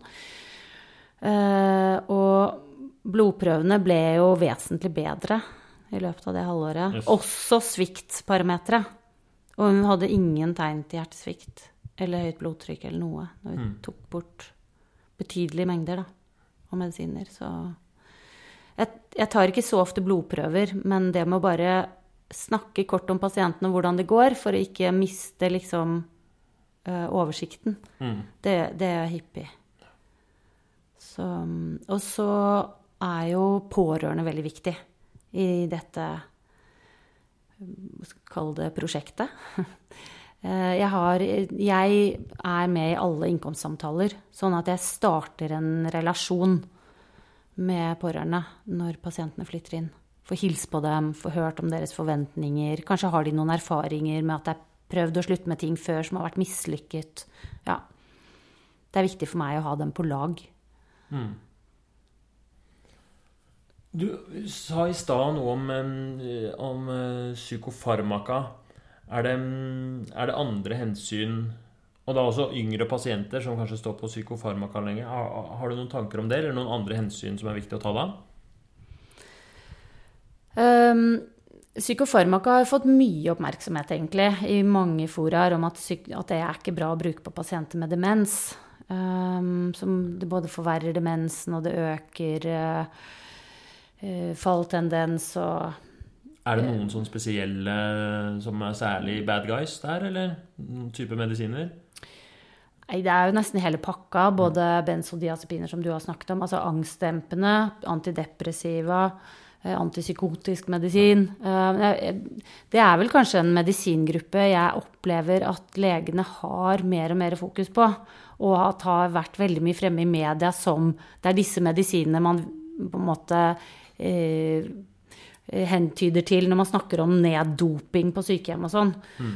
Så de har jo fått et veldig, kommet i et veldig uheldig lys, og det, har, det opplever jeg at eh, kollegaene mine har tatt til seg. At det er mindre bruk av psykofarmaka.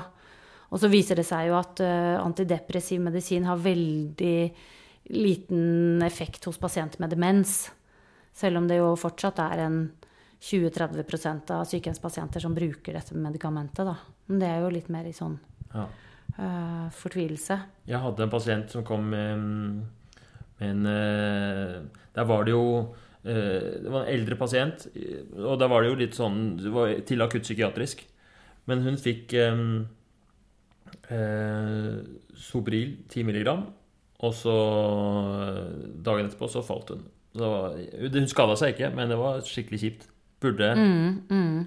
Men da var det jo en god Altså, hun var veldig urolig og hadde god effekt på uroen, liksom. Men ikke sant? der kunne man i hvert fall gitt en lavere dose. Finnes jo i 5 milligram òg.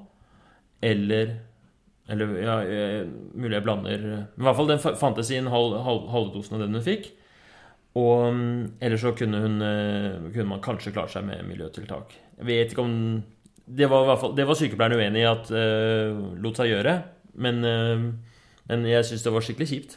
Selv om det, det, det kunne jo gått en lårhals, ikke sant? Det kunne jo vært eh, dødelig. Mm, mm.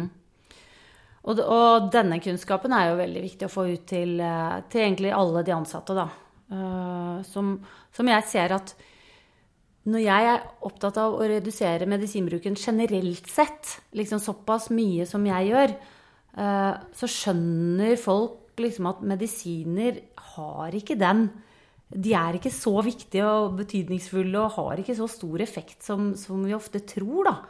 Uh, og så er jeg jo streng i forhold til det med å løpe til medisinskapet med en gang noen blir litt lei seg eller urolig eller sånne ting. Fordi, liksom jeg sa i stad, altså det er en fase av livet med, hvor mange har uh, Ja, som er veldig skrøpelige og hjelpetrengende, og de trenger folk.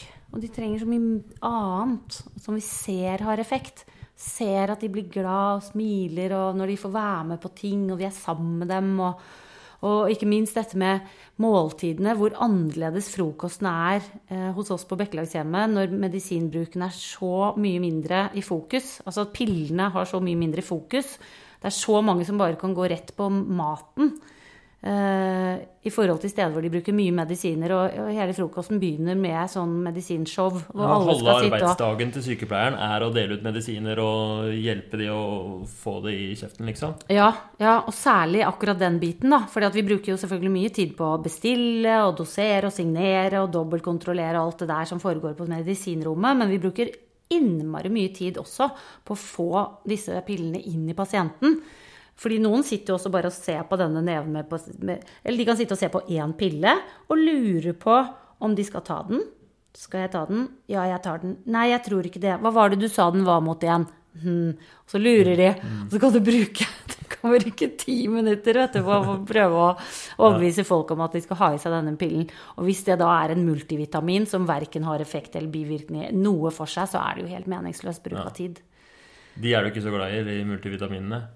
Nei, jeg tenker at uh, det er så veldig mye annet vi bør bruke tiden vår på i et mm. sykehjem enn å, å, medisinere folk med piller som ikke har noe effekt. Det har i hvert fall ingen uh, forskningsmessig bevist effekt, da.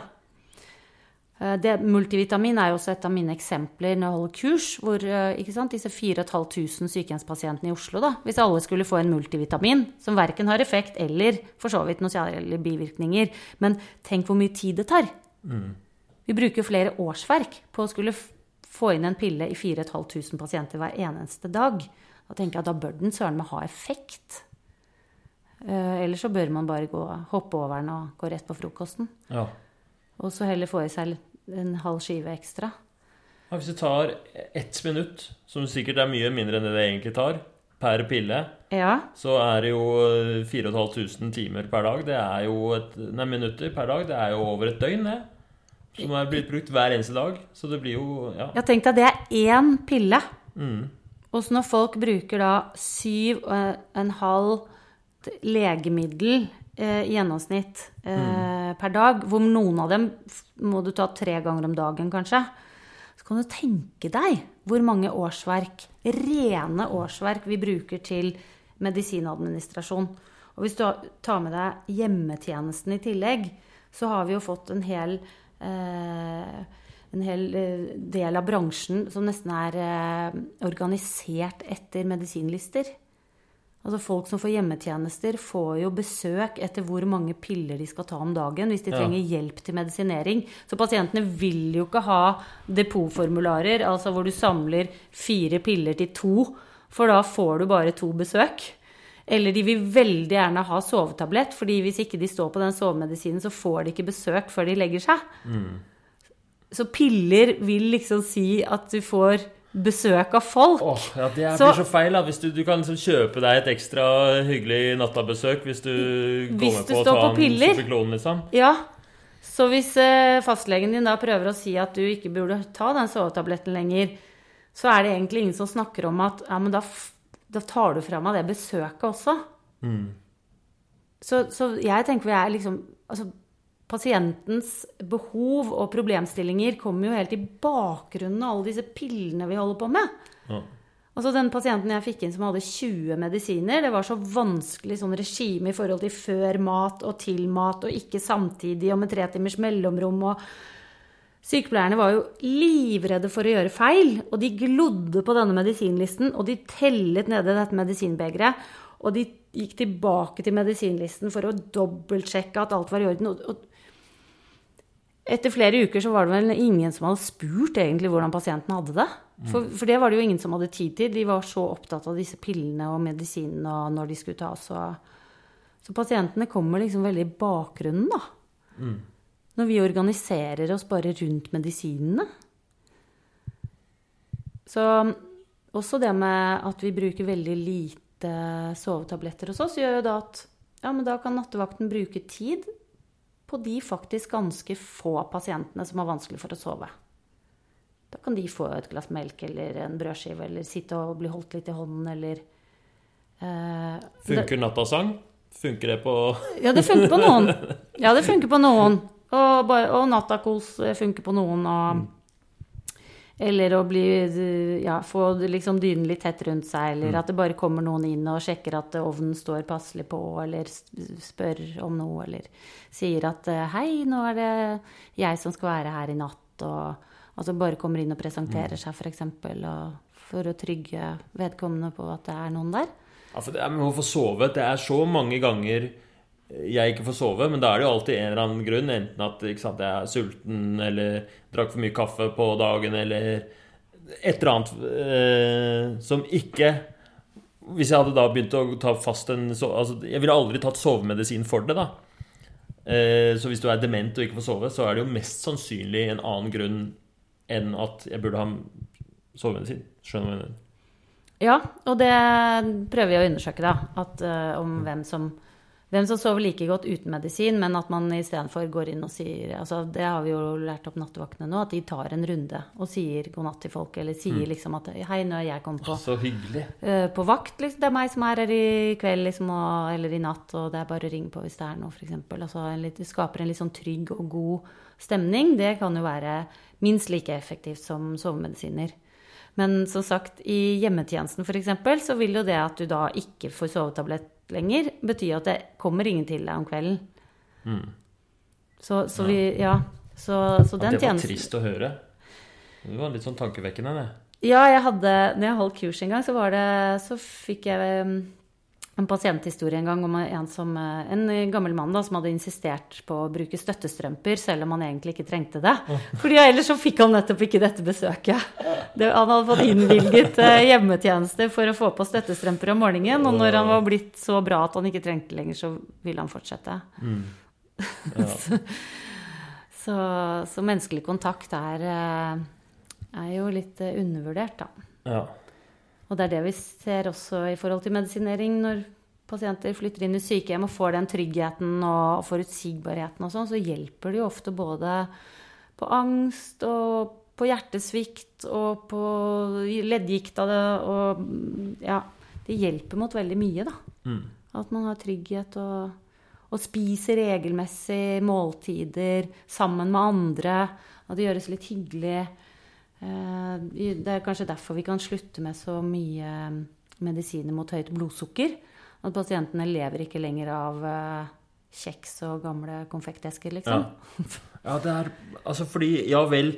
Eh, det er noe Sikkert noe fornuftig at man skal bo hjemme så lenge som mulig. Så, men det der, Det bildet av en sånn pasient som sitter hjemme alene, og eneste kontakten har men folk er hjemmesykepleieren som kommer med noen piller to ganger om dagen, og så komme på et sykehjem og få folk rundt seg hele tiden, rydde opp i medisinlista, og det virker jo helt eh, Det er jo natt og dag, da. Ja. Ja. Nå etter hvert så blir det større og større forskjell på å bo hjemme og å bo i et sykehjem. Og sykehjemmene blir jo flinkere og flinkere også til å ha aktivitetstilbud og liksom at det er kulturelle ting som skjer der, og ja. Um, ha fysioterapi med gruppetrening hvor de får holdt seg i form og sånne ting.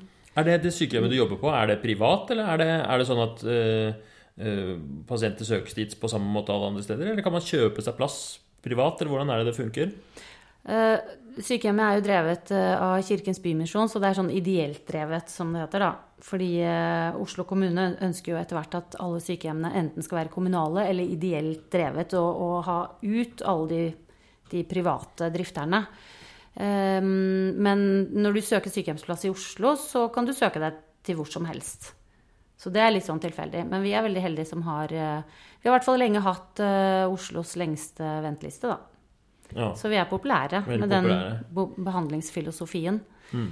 Så, så tenkte jeg egentlig jeg ville nesten avbryte litt, fordi at eh, jeg kom nesten i fare for eh, å hoppe over kanskje det som er det viktigste på sykehjem, da. Som er eh, liksom det perspektivet som alt dette står i, og det er nettopp det at alle pasientene våre skal dø. Og det er et tema som jeg syns at kommer altfor lite frem. Både i den politiske debatten, i handlingsplanen til sykehjemsetaten. Eh, Det at alle pasientene som flytter inn på et sykehjem, faktisk skal dø der. Det betyr veldig mye for hvordan vi skal håndtere alle sykdommer og plager og medisiner og Ja. At vi må være Vi må tilrettelegge mer for, for å snakke åpent om det. Og forberede folk. Og uh, her trengs det mye folkeopplysning for hva som er også en sånn normal, på en måte langsom død. Um, fordi uh, det er veldig lett å bli forledet til å snakke liksom om eh, fysioterapi og ernæringsopplegg og eh, tett oppfølging av lege og selv avmedisinering og at de blir bedre og får bedre appetitt og liksom sånn. Som om på en måte da varer livet evig. Det gjør det jo ikke. Og det er jo det som kanskje er litt skummelt da, med å endre på medisinering. Det er jo at øh, helsetilstanden til gamle mennesker, det, de, den svinger. Helt uavhengig av hva vi gjør. Uh, og så dør de til slutt. Også om de får 15 medisiner om dagen eller ingen. Noe dør de av til slutt. Og, og det snakker vi kanskje litt for lite om. Mm. Jeg syns jo politiske partier, de konkurrerer jo liksom veldig på, på dette med aktivitet og kultur og tilrettelegging av måltider og veiing, da, hver måned og Du overlever ikke et sykehjemsopphold bare fordi du blir veid en gang i måneden. Nei. Du dør til slutt uansett. Så, så det må liksom litt mer inn i, inn i debatten, kunne jeg ønske meg, da. Ja, at man må ha det i mente hele veien. At dette er en annen type tilværelse enn å komme til fastlegen, hvor du liksom Da skal du ikke dø, da skal du jo Da skal man leve. ja, man skal ha en sykdom som man skal slå, og så skal man eh, Eller som man skal overleve, liksom, og komme seg videre. Ja. Og, og litt om da hva som er vanlig i denne fasen, med at man på en måte Det er veldig vanlig å dø langsomt på sykehjem. At man liksom langsomt trekker seg litt eh, ut av livet. Med at man f.eks. spiser mindre, sover mer, interesserer seg mindre for omverdenen. Ikke har lyst til å være med på aktiviteter. Ikke har lyst til å være med på utflukter. At man, ja, rett og slett liksom Vanskelig, da. Skal du pushe personen litt sånn videre? For du er jo helsebringende å være med. Ikke sant? Ja, det er veldig Det dilemmaet står vi jo i daglig. Det der med hvor mye skal man på en måte eh, nøde og lokke og måte liksom Ja. Eh, vi er jo veldig opptatt av at, eh, at ah, behandling og aktiviteter og alt er frivillig.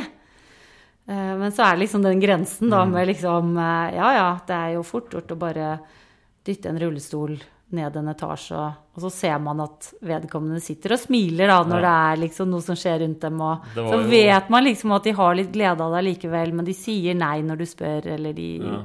ja, kommer med unnskyldning for at de ikke orker å så det er, det er jo dilemmaer vi ofte må diskutere med de pårørende, da. eh, som gjerne vil at pasientene skal på en måte holde fast i livet. Være med. Mm.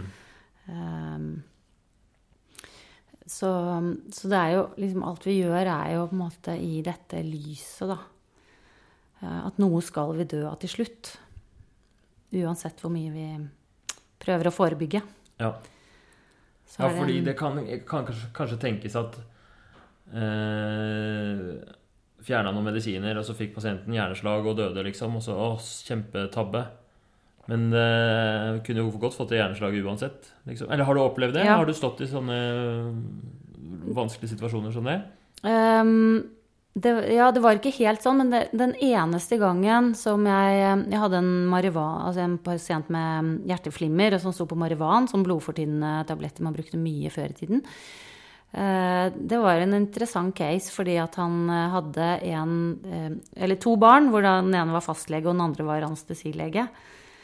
Og så diskuterte vi problemstillingen, for han hadde demens, var på demensavdeling og var jo veldig gammel. Um, og jeg foreslo at man kanskje skulle ta det bort, da. Og da var det fastlegen som ikke ville ta det bort, og så var det anestesilegen som syntes at det hørtes ut som en god idé. Egentlig litt omvendt av hva jeg kanskje hadde forventet. Eh, men anestesilegen bukket litt under for sin eh, søster eller bror, jeg husker ikke hva det var nå. Eh, tenkte at allmennlegen hadde mest forstand på dette, så ok. Og jeg tenkte at ja, man vet jo ikke hva som er feil og riktig her. Så vi får i hvert fall som et utgangspunkt fortsette en stund til, og så ser vi om, det, om vi kan diskutere det senere. Og vedkommende ble fulgt opp tett med prøver som lå innenfor det det skulle, og sånne ting. Og så får han et hjerneslag. Og da ble, jeg jo, da ble jo jeg så glad for at jeg ikke hadde tatt bort den medisinen, for da hadde det på en måte vært min skyld. Ja. Eh, men så viste det seg da, synd for pasienten, at det faktisk var en blødning. Mm. Så det var jo bivirkning av behandlingen han døde av. Eh, Så, så sånn sett ville jeg fått rett i forhold til å slutte med det. Men hadde det vært en blodpropp han hadde dødd av, og jeg hadde vært pådriver for å ta medisinen bort, så ville jeg jo fått eh, Ja. Fått, eh, jeg vet ikke om jeg ville fått problemer med de pårørende, men jeg ville i hvert fall fått et litt problem med meg selv, da. Ja. Ja. Ja, Så sånn vet vet man ikke. Ja, ikke sant? Det hadde føltes veldig Men det kan jo hende han fastlegen satt med en veldig vond følelse. Kan jo hende det, ja. Mm, jeg hadde ikke noe psykologisk oppfølging med han etterpå, men, eh, men det kan godt være han fikk litt dårlig samvittighet. Men, Som men du sa, det var ikke noe var- riktig svar der. Er Nei. noe Nei. Så, så heldigvis så har vi ikke vi har, vi har ikke opplevd engang en, noen akuttinnleggelser som har vært direkte knyttet opp mot endringer i medisiner. Men jeg har selvfølgelig sett forverringer. Vi har hatt forverring av hjertesvikt, og vi har hatt forverring ikke minst av smerter og søvnløshet. og Eh, også sånn hormoner mot lavt stoffskifte har vi måttet trappe opp igjen på når stoffskiftet blir for lavt. Eh, men det er jo mer Altså, det er enkelt å følge opp på, da. Så det får ikke noen alvorlige konsekvenser for pasienten. Ja. Men eh, Nei, så det er eh, Det er mye å tenke på, og det er jo litt skummelt å være sykehjemslege. Jeg har hatt eh, ganske mye litt urolige weekender, da, eller helger, liksom, hvor jeg har gjort endringer okay. før helgen, og så er jeg liksom litt sånn Så er du på seilbåten og ja, skjelver litt, liksom? Ja, og tenker liksom åh, Gudland, jeg fikk jeg forklart dette godt nok til pårørende, men dette dilemmaet, liksom, og nå håper jeg dette går bra over helgen, og så Ja. Så har de jo gjort det, da, i 15 år. Så, um, så jeg er jo blitt uh, ganske tøff etter hvert. Ja. Men det krever litt eh, Ja, jeg, når jeg holder kurs, så sier jeg til folk at begynn der det er lett. Der hvor man føler seg tryggest. Og så blir man tøffere etter hvert når man ser at det går bra. Ja. Så man skal ikke Fordi alle hopper jo rett på den blodfortynnende medisinen, da, som jo egentlig ofte ikke fins noe riktig og galt svar på, og som kan være litt skjebnesvanger rett og slett for liv og død. Så sier jeg ikke begynn der. Begynn med, med Paraceten eller sovemedisinen Ikke begynn med blodfortynnende, ikke begynn med fordøyelses... Eller avføringsmidlene. De Ja. må ofte stå igjen til slutt. ja. Så, så begynn på de medisinene man føler liksom at det er, er tryggest, da, og som er lettest å følge opp. Som sagt, hvis pasienten får litt mer vondt i ryggen, så er jo ikke det helt krise. Um, Mm. mm, så det er noen teknikker. Ja. Så spennende. Eh, vi kunne sikkert snakket i timevis om dette. Eller jeg merker på deg at du kunne gjort det, i hvert fall. Um, jeg lurer på hvis um, folk vil vite mer, hvis folk vil ha um, eh, informasjon om hvordan de kan komme seg på kurs, eller vi hører om hvordan er det de skal følge med på deg, de, hva heter de Facebook-sidene? Eh, Det er jo sykehjemsoverlegen som eh, handler liksom mest om mitt sånn personlige prosjekt. Med, der legger jeg ut eh, litt om sånn kursinfo og sånt. Og mm, ellers hva jeg gjør av av møtevirksomhet. Og så er det Norsk forening for sykehjemsmedisin, hvor jeg legger ut eh, mer sånn generell faginformasjon jeg kommer over. Jeg, også, jeg, er også så heldig at jeg får mye tilsendt fra folk. 'Har du lest dette? Har du sett denne forskningsrapporten?' og sånn. Og da legger jeg det ofte ut der.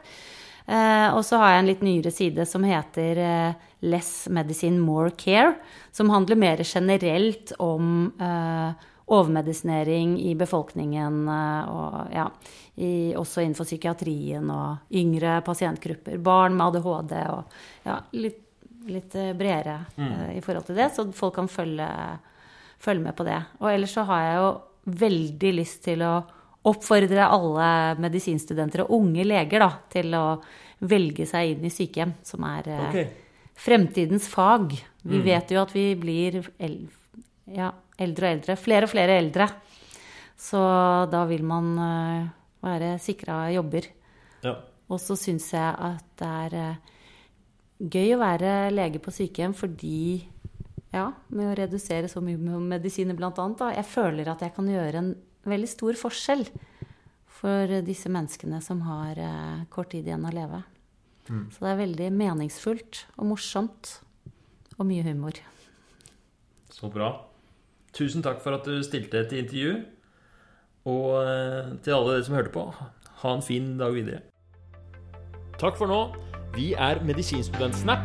Følg oss på Instagram. Der har vi quiz hver dag og mye annen medisinsk moro. Ha det bra!